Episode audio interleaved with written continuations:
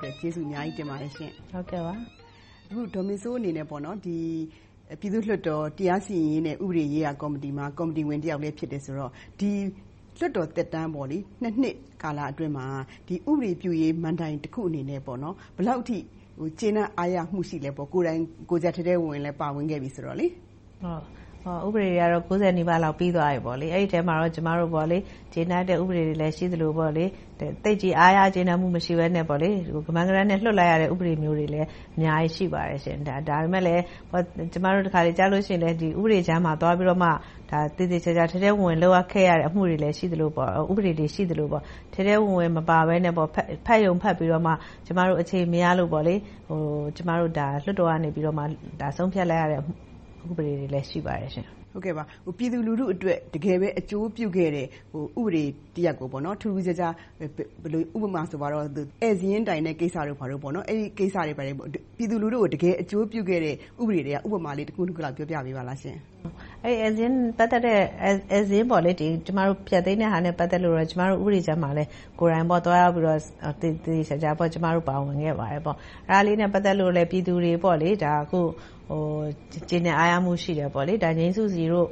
ကျမတို့ဒါလေးတွေနဲ့ပတ်သက်လို့လည်းကျမတို့ကျေနပ်အားရမှုလည်းရှိပါတယ်ရှင့်။ဒါပေမဲ့ငြိမ်းစုစီနဲ့ပတ်သက်လို့ကလဲနည်းနည်းလေး Controversial ဖြစ်တာပေါ့။အငြင်းပွားဖွယ်လေးဖြစ်တာပေါ့။အဲဒီတော့ငြိမ်းစုစီနဲ့ပတ်သက်ပြီးတော့အမျိုးသားဒီမိုကရေစီအဖွဲ့ချုပ်အစိုးရ၊အမျိုးသားဒီမိုကရေစီအဖွဲ့ချုပ်အများစုဖြစ်နေတဲ့လွှတ်တော်တွေကနေငြိမ်းစုစီဥပဒေကိုပြဌာန်းခဲ့တာကိုတချို့တော်တော်လေးဘဝင်မကျကြဘူး။အဲဒါနဲ့ပတ်သက်လို့ဘယ်လိုသုံးသပ်ပါလဲရှင့်။ ဒါကတော့ငြိမ်းချမ်းစွာစီတန်းဆန္ဒပြတယ်ဆိုတာကတော့ရှိသင့်ပါတယ်။လွတ်လွတ်လပ်လပ်ပြောတ ယ်ဆိုတဲ့နေရာမှာ။ဒါပေမဲ့လဲတချို့ကြတော့လဲ Downtown ဖြစ်လို့၊တချို့ကြတော့လဲအဲဒီကတည်းကဥပဒေကြမ်းမှာကတည်းကအဲဒါတွေနဲ့ပတ်သက်လို့တော်တော်အငြင်းပွားတယ်။သူများတွေက Downtown မှာဆိုမလုပ်ရဘူးဆိုတော့ကျမကတော့ Downtown မလုပ်လို့မြို့ပြင်မှာသွားလုပ်ဘယ်သူလာကြည့်မှာလဲ။သိစေချင်လို့ဒါတွေကလူထုကိုအသိပေးချင်လို့ဆန္ဒပြတာဆိုရင်ဒါတွေကိုလူမြင် နည်းတဲ့နေရာ၊လူသွားနည်းတဲ့နေရာတွေမှာလုပ်တယ်ဆိုရင်မြို့ထဲတွေမှာခွင့်မပြုဘူးဆိုရင်ကျမတို့ကိုယ်တိုင်လည်းဒါနဲ့ပတ်သက်လို့ကန့်ကွက်ခဲ့တယ်။ရန်ကုန်မှာဆိုရင်ဥပမာကို ယ်က ရန်ကုန်မှာနေတဲ့လူဆိုတော့ ဆူးလေမှာပြမှ လူတွေသိမှာပေါ့။ဒီဘက်အပြင်မှာ သွားပြရင် လူတွေလည်း မသိလိုက်ဘူး။အဲဒီကတည်းက ပြောကြတယ် အဲဒါဆိုရင် ကားတွေပိတ်တယ်။ရုံးသွားရုံးလာ၊ကျောင်းသွားကျောင်းပြန်တွေ ခက်ခဲတယ်လို့ အဲဒီလိုမျိုးတွေ ပြောကြတယ်။အဲဒီကတည်းက ကျမတို့လည်း အငြင်းပွားမှုတွေ ရှိခဲ့ကြတယ်။အခု တရားစီရင်ရေးနဲ့ ဥပဒေရေးရာ ကော်မတီဝင်တယောက်အနေနဲ့ မြန်မာနိုင်ငံရဲ့ ဒေါ်အောင်ဆန်းစုကြည်ကလည်း အမြဲတမ်း ပြောဖူးပါတယ်။မြန်မာနိုင်ငံအတွက် အရေးကြီးဆုံးက တရားဥပဒေ စိုးမိုးမှု Rule of Law ကိုအမြဲတမ်း ပြောပါတယ်။တရားဥပဒေ စိုးမိုး မှုရှိဖို့ဆိုတဲ့နေရာမှာ တရားစီရင်ရေးကဏ္ဍက အင်မတန်မှ အရေးကြီးပါတယ်။ဥပဒေပြုရေးလည်း အရေးကြီးတယ်။တရားစီရင်ရေးပိုင်းမှာ တရားရေးဝန်ထမ်းတွေ၊တရားသူကြီးတွေ တော်တော်လေးပြည်သူလူထုကြားမှာ နာမည်ပျက်တာတွေ အများကြီးရှိတယ်။အကျင့်ပျက် ခြစားတာတွေလည်း ရှိတယ်။အခုတလော ကြားနေရတဲ့ အဂတိလိုက်စားမှု ပပျောက်ရေးနဲ့ ပတ်သက်ပြီးတော့ တရားရေးဝန်ထမ်းတွေကို အရေးယူခဲ့တာ ကြားပါတယ်။ဒီတရားရေးဝန်ထမ်းတွေကို အရေးယူတဲ့နေရာမှာ လွှတ်တော်ရဲ့ ထောက်ပြမှု Check and Balance လုပ်တာများ ပါဝင်ခဲ့ပါသေးလားရှင့်။ပါပါတယ်ရှင့်။ကျမတို့ဒုတိယသက်တမ်းကျမတို့လွှတ်တော်သမ္မတကြီးမဖြစ်ခင်လွှတ်တော်ဥက္ကဋ္ဌဦးဝင်းမြင့်လက်ထက်ကတည်းကကျမတို့ဥပဒေပြုရေးနဲ့ပတ်သက်လို့ထဲထဲဝင်ဝင်အစီရင်ခံစာတင်တာပဲဖြစ်စေ၊ကျမတို့လွှတ်တော်မှာမေးခွန်းမေးတာပဲဖြစ်စေအဲဒါဆိုရင်ကျမတို့ဥပဒေနဲ့ပတ်သက်လို့တရားစီရင်ရေးနဲ့ပတ်သက်လို့ပိုပြီးတော့လမ်းကြောင်းတည့်မတ်ဖို့တိတိကျကျတိုင်ကြားဖို့ခဏခဏပြောပါတယ်။ကျမတို့ကော်မတီမှာဆိုရင် အခုသမ္မတကြီး အရင်ဥက္ကဋ္ဌဆိုရင် ကျမတို့ တိုင်ကြားစာတွေနဲ့ ပတ်သက်လို့ ထိထိရောက်ရောက်လုပ်ဖို့ကျမတို့လည်း အမြဲတစေ မှာပါတယ်။အခုနောက်ပိုင်းတော့ သမ္မတကြီးလည်း တက်ပြီးတဲ့ကာလ သူမိန့်ခွန်းပြောကတည်းက တရားစီရင်ရေးမဏ္ဍိုင်ကို ပိုပြီးတော့ ထိထိရောက်ရောက်ဖြစ်အောင် လုပ်မယ်ဆိုပြီးသူပြောတဲ့အတွက် အရင်ကထက်စာရင်တော့ တရားစီရင်ရေးနဲ့ ပတ်သက်လို့ရှိရင်တော့ နည်းနည်းလေး ပိုပြီးတော့ တည့်မတ်လာတယ်။အခု တရားစီရင်ရေးမှာလည်း ပြည်သူတွေအားရကျေနပ်လောက်အောင်တော့မရှိသေးဘူး။ဒါပေမဲ့လဲကျမတို့ကြည့်ရသလောက်တော့မှန်မှန်ကန်ကန်လေးအရင်ကထက်စာရင်ပိုပြီးတော့လမ်းကြောင်းမှန်ပေါ်များရောက်လာမလားလို့မျှော်လင့်ကြည့်ရပါတယ်ရှင့်။တရားဥပဒေစိုးမိုးရေးဆိုရင်ပြည်သူ့ရဲတပ်ဖွဲ့ရဲ့အခန်းကဏ္ဍကိုလည်းမေ့ထားလို့မရပါဘူး။ပြည်သူ့ရဲ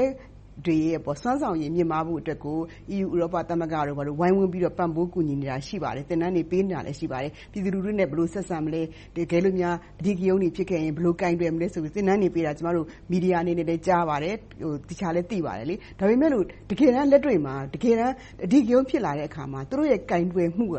ပြည်သူလူထုအမြင်မှာ တော်တော်လေး အရုပ်ဆိုးတာတွေ ဖြစ်နေပါတယ်။အဲဒါတွေနဲ့ ပတ်သက်လို့ ဒေါ်မေစိုးတို့ ပြည်သူ့လွှတ်တော်ကိုယ်စားလှယ်တယောက်အနေနဲ့ ဘယ်လိုများ အားပေးတိုက်တွန်းချင်ပါလဲရှင့်။ တရားဥပဒေစိုးမိုးရေးဆိုတာတရားဥပဒေမဏ္ဍိုင်ကလည်းတရားဥပဒေစိုးမိုးမှုကအဓိကကျတယ်။ကျမတို့ကျောင်းမှာကျောင်းစတက်လို့ရှစ်ဆယ့်ရှစ်အရေးအခင်းစဖြစ်ခဲ့တဲ့နောက်ပိုင်းအရေးအခင်းဖြစ်တဲ့ဟာတွေမှာလည်းအဓိကရုဏ်းနှိမ်နင်းရေးနဲ့ပတ်သက်လို့လုပ်တဲ့ပုံစံတွေကအခုယနေ့အထိလုပ်နေတဲ့ပုံစံတွေနဲ့အတူတူပဲရှိသေးတယ်။ EU ကဘယ်လိုပဲသင်သင်၊နိုင်ငံတကာမှာအဓိကရုဏ်းကိုဘယ်လိုနှိမ်နင်းတယ်၊ဘယ်လိုပုံစံနဲ့နှိမ်နင်းတယ်လို့ပဲပြောပြောဗမာပြည်မှာနှိမ်နင်းတဲ့ပုံစံကတော့ ကျမထင်တာတိုးတက်မလာဘူး။ဒီအတိုင်းပဲ နဂိုမူရင်းအတိုင်းပဲ။ပြည်သူတွေလည်း အဲဒီအတွက် အခုအချိန်အထိအားရကျေနပ်မှု မရှိဘူး။အခု မနေ့တနေ့က ဖြစ်သွားတဲ့ ကိစ္စပေါ်မှာအထိကို လူတွေက စိတ်ပျက်အာရုံမိတယ်ဆိုတော့ သင်တန်းပေးတဲ့လူကလည်း ပေးတယ်။လုပ်တဲ့ပုံစံကလည်း နဂိုမူရင်းပုံစံအတိုင်းပဲ ဖြစ်တယ်ဆိုလို့ရှိရင် သင်တန်းပေးတာက ထိရောက်မှု ထင်သလောက် မရှိဘူး။ထင်သလောက်ကို တိုးတက်လာတာ မရှိဘူးလို့ ကျမတို့မြင်တယ်ရှင့်။ အဲဒီတော့ သူတို့ပေးတဲ့ ရန်ပုံငွေတွေက အလဟာသဖြစ်သွားတယ်လို့ ယူဆပါလားရှင့်။ဒါကတော့ သင်တန်းပေးတာတော့ ကောင်းပါတယ်။သင်တန်းပေးတာလည်း ကောင်းတယ်။သင်တန်းလုပ်တာလည်း ကောင်းတယ်။သင်တန်းလုပ်တဲ့အတွက်လည်း အမြင်ကျယ်တာတွေ၊ဘယ်လိုအဓိကရုဏ်းဖြစ်လာရင် တခုခုဖြစ်လာမယ်ဆိုရင် ဘယ်လိုဆောင်ရွက်ရမယ်ဆိုတာ သိတယ်။ဒါပေမဲ့လဲ အထက်က ညွှန်ကြားချက်က ဒီအတိုင်းပဲဆိုရင်တော့ လုပ်တဲ့ပုံစံကဒီအတိုင်းပဲ ဖြစ်နေအုံးမှာ။ရဲချုပ်ကိုယ်တိုင်ကလည်း သတင်းစာရှင်းလင်းပွဲမှာ ပြောသွားတာ တော်တော်လေးကို အများပြည်သူအမြင်မှာ ဘယ်လိုမှ ကျေနပ်အားရစရာ မရှိပါဘူး။ဥပမာဆိုရင် အရပ်ဝတ်နဲ့လူတွေ ဝင်ပြီးတော့ ဆန္ဒပြတဲ့လူတွေကို ဝင်ပြီးတော့ ကူပြီးဖမ်းပေးတဲ့ ကိစ္စတွေဆိုတော်တော်လေးကို အရုပ်ဆိုးပါတယ်။ဒါက အင်မတန်မှ ပြည်သူလူထုကြားမှာ အဆင်မပြေတဲ့ကိစ္စ။ရဲတပ်ဖွဲ့အကြောင်း ခဏထားပြီးတော့ တရားဥပဒေ စိုးမိုးရေးနဲ့ ပတ်သက်ပြီးတော့ဒေါ်မေစိုးအနေနဲ့ ဘယ်လို သုံးသပ်လို့ ရပါလဲရှင့်။အခုကတော့ ကျမတို့ပြင်နေတာ လုပ်နေတဲ့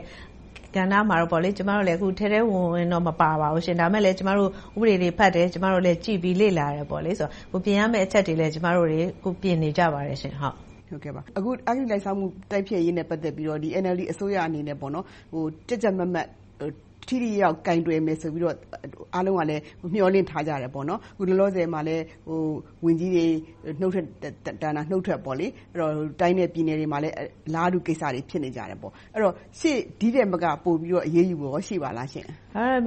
ကျမအနေနဲ့အဂတိတိုက်ဖျက်ရေးကော်မတီကိုလည်းကျမတို့ကအများကြီးအားကိုးပါတယ်။အများကြီးလည်းမျှော်လင့်တယ်။ဒါပေမဲ့တစ်ခုရှိတာကတိုင်တဲ့လူကလည်းတိုင်တယ်ဆိုရင်ကြားနာတဲ့အခါမှာလဲတဘက်ကလဲတကယ်ကိုပဲလာဘ်ပေးလာဘ်ယူ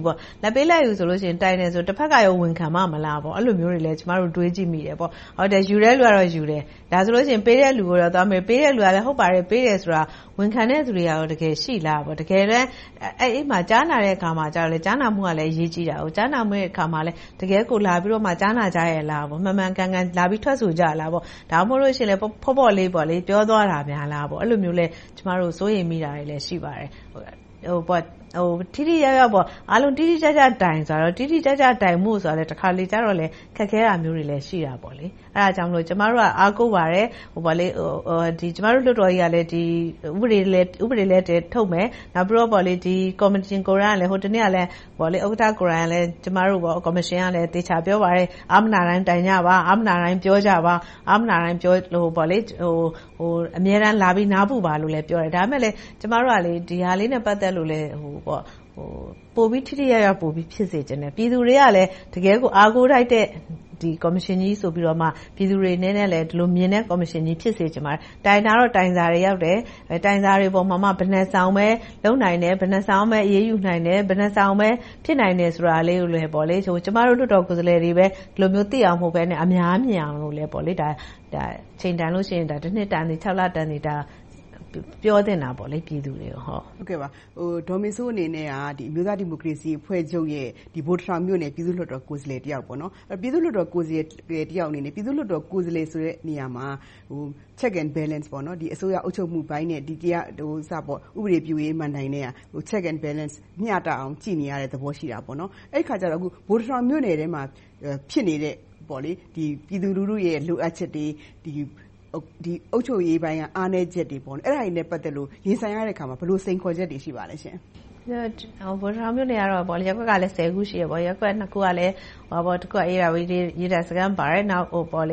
ဝန်ထမ်းအင်အားတွေရှိတယ်။ရပ်ကွက်နှစ်ခုလောက်ကတော့။ခုလောက်ကတော့အများပြည်သူပေါ့။ကျမအနေနဲ့အခက်အခဲရယ်လို့တော့အရမ်းကြီးထွေထွေထူးထူးမရှိဘူး။အုပ်ချုပ်မှုပိုင်းနဲ့လည်းကျမတို့ကပူးပေါင်းပြီးတော့ဆောင်ရွက်တယ်။ဒါပေမဲ့လဲတချို့ဟာတွေကြတော့ကိုယ်လုပ်ချင်တာထက်ကိုယ်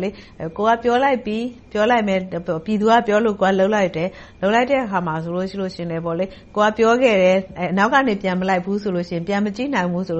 ရင်ကိုယ်လည်းအလုပ်တွေများနေလို့မကြည့်လိုက်နိုင်ဘူးဆိုရင်အဲဒီဟာကတော်တော်နဲ့မပြီဘူး။အခုအချိန်အထိဝန်ထမ်းတွေရဲ့အားနည်းချက်တွေ။နောက်တခါမေးလိုက်ပြီဆိုရင်ဝန်ထမ်းအားနည်းနေလို့၊ဝန်ထမ်းအင်အားမပြည့်လို့ဆောင်ရွက်ရတဲ့အလုပ်တွေနဲ့လုပ်ဆောင်နေရတဲ့ဟာတွေနဲ့တခါတလေဆိုရင်ကြားဖြတ်လုပ်ရတာတွေလည်းရှိလို့ဆိုပြီးတော့အဲဒီအထိ Complaints တွေလည်းအခုအချိန်အထိရှိနေတုန်းပဲရှိပါတယ်။အခုလိုမျိုးလာပြီးတော့ကျမတို့ VOA အမေရိကန်အသံကို တကူးတက လာပြီးဖြေဆိုပေးတဲ့အတွက် ကျေးဇူးအများကြီးတင်ပါတယ်ရှင့်။ကျမလည်း ကျေးဇူးတင်ပါတယ်ရှင့်။